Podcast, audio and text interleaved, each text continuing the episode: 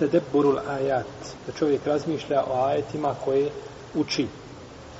Ovo je jako bitna stvar. Znači.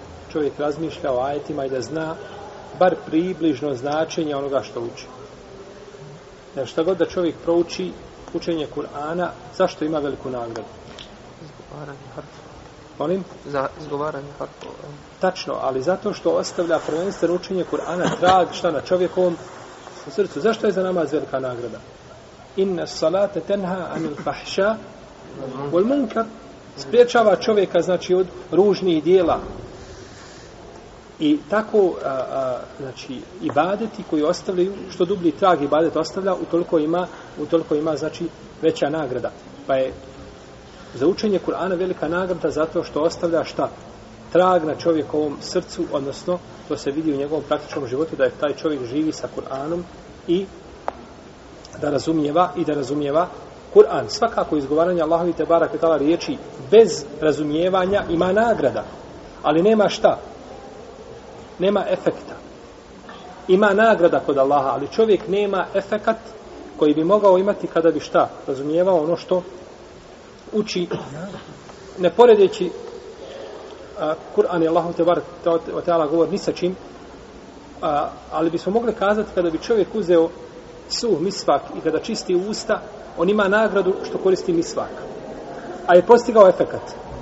Nije, jer suh misvak ne može, ne može sa njim postići željeni efekat osim sitnicu jednu. Nego znači treba da je misvak svjež. Pa tako znači da pored razumijevanja Kur'ana ima efekat, to je bolje, a to se znači može samo uz razumijevanje.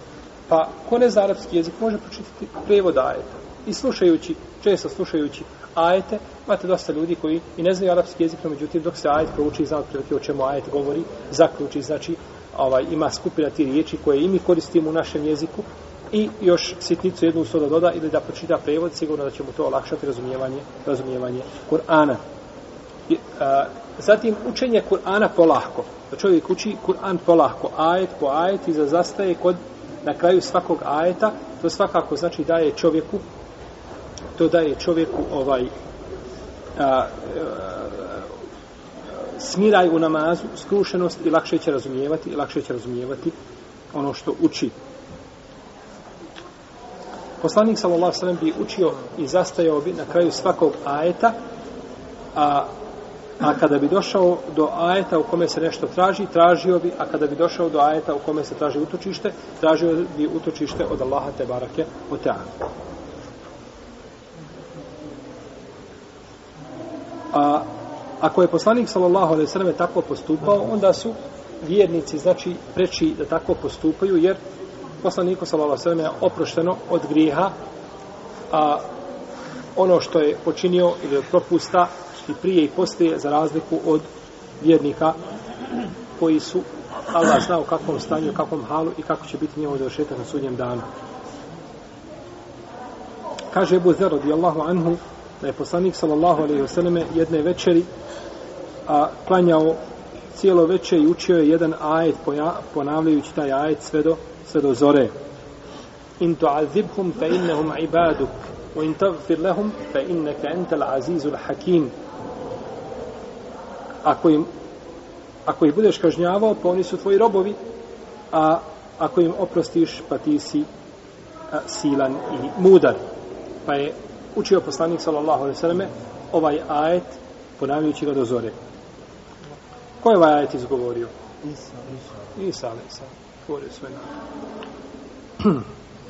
Kaže Abdullah ibn Šikhir, gdje Allahu anhu, došao sam pod poslanika sallallahu alejhi ve selleme, u ovu yusalli, u fi sadrihi ezizun ke ezizil Kaže, došao, došao sam kod poslanika, sallallahu alaihi wa sallam, i upravo je bliži mame Budavu, ili sa imam Ahmed, i ona je vjerodostojna. Kaže, došao sam kod poslanika, sallallahu alaihi wa sallam, i on klanja, a u njegovim prsima ezizun, eziz je ključanje, kada voda ključa, a, a, ke je mirđel, a mirđel je jedna posuda velika. Pa znači, ključa u njegovim prsima, kao kada voda ključa, znači, u, u u toj posudi od plaća sallallahu alaihi wa alaihi wa sallam.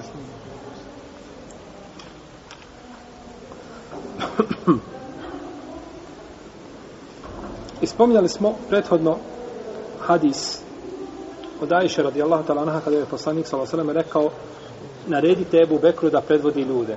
Naredite Ebu Bekru da predvodi ljude, znači da ih on predvodi u namazu. I ovo je bio i šaret od poslanika s.a.v. alejhi ve sellem da je Ebu Bekr halifa nakon poslanika s.a.v. alejhi ve sellem, a da nije Alija radijallahu anhu.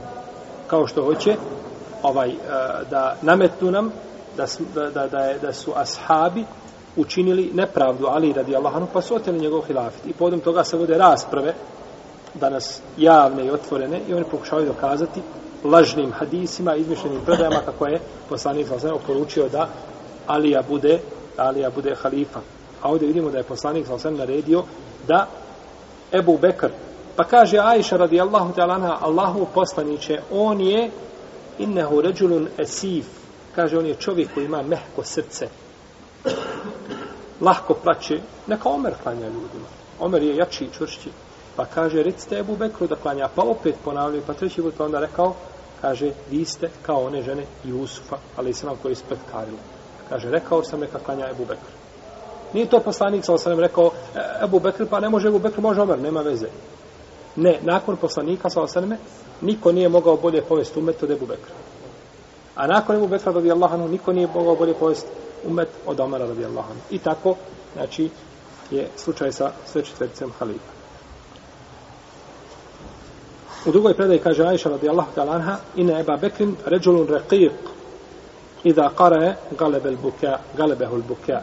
Kaže, Ebu Bekri je čovjek blag, nježan. Kaže, kada uči Kur'an, kaže, a, plaće i ne može, ne može se obuzdati. Od Abdullaha ibn Šedada se prenosi da je rekao Samijetu nešiđe Omara u ene fi ahiri sufuf jekra innema ešku besi vahuzni ila Allah.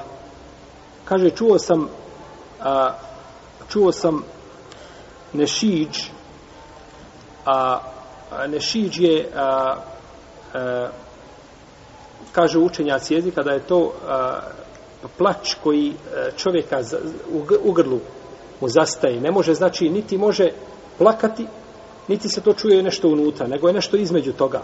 Nije onaj plač otvoreni koji se plače, koji je pogrdan u namazu, koga je Selef osudio. Da čovjek plače u namazu i da ga čuje cijela džamija kako plače. To je plač koji je pogrdan u namazu. I tako nije plakao ni poslanik, sa osadem, nije Bubekar, ni Omer, niko od ashaba. I to je Selef osudio, posebno Sa'id ibn Musejib, kada je čuo da ima neki ljudi koji, kada u namazu, kada slušaju učenje Kur'ana, kaže, onesijeste se, slušajući učeći Kur'an. Znači, onesijeste se kada čuju učenje Kur'ana. Pa je to osudio. Kaže, nije on bogobojazniji od ashaba, koji se nisu nikada nijedan se nije svijestio, a, znači, kada je čuo Allahove riječi te barake otala. Pa je rekao, ko je tako bogobojazan, neka mi dođe, pa ću ga ja postaviti na jedan zid i učiti mu Kur'an. Pa kaže, neka padne, ako je bogobojazan. Neka padne sa zida. Neka se onesvijesti jel na zidu, pa neka padne, ako je bogobojazan. Neće sigurno se to desiti. Tako znači da je to čovjek ne obuzdava sebe, nego može čak preći i u rija i adam billah. Pa je ovdje kaže nešiđ je gas, gasun bil buka. A gas, a, kaže Allah te barak tala u Kur'anu, inne ledejna enkjalen wa džahima wa ta'amen za gussatin wa azaben. To je taj gus. To je ona hrana koja zapinje ovdje u grlu. I ti je možeš jesti, ti je, ne možeš ni progutati, ti je možeš vratiti nazad. Kao one kruške što imate, one divlje, one kruške što rastu po... Pa uzmete krušku, pa jedete, a ona kre, pa ni gori ni dole, nikuda. Nego zapinje u grlu. E, to je ta hrana. E, tako je ovaj plač bio. Znači, u grlu ne izlazi, ne može izaći, znači, jer mu ne dozvoljava, ne dozvoljava mu, znači, čovjeku namazu, zato što je neka ulema kazala da takav vid plaća u namazu, ako čovjek može obuzati namjerno, namjerno plaće, znači i povišenju glasom, to može pokvariti njegov namaz.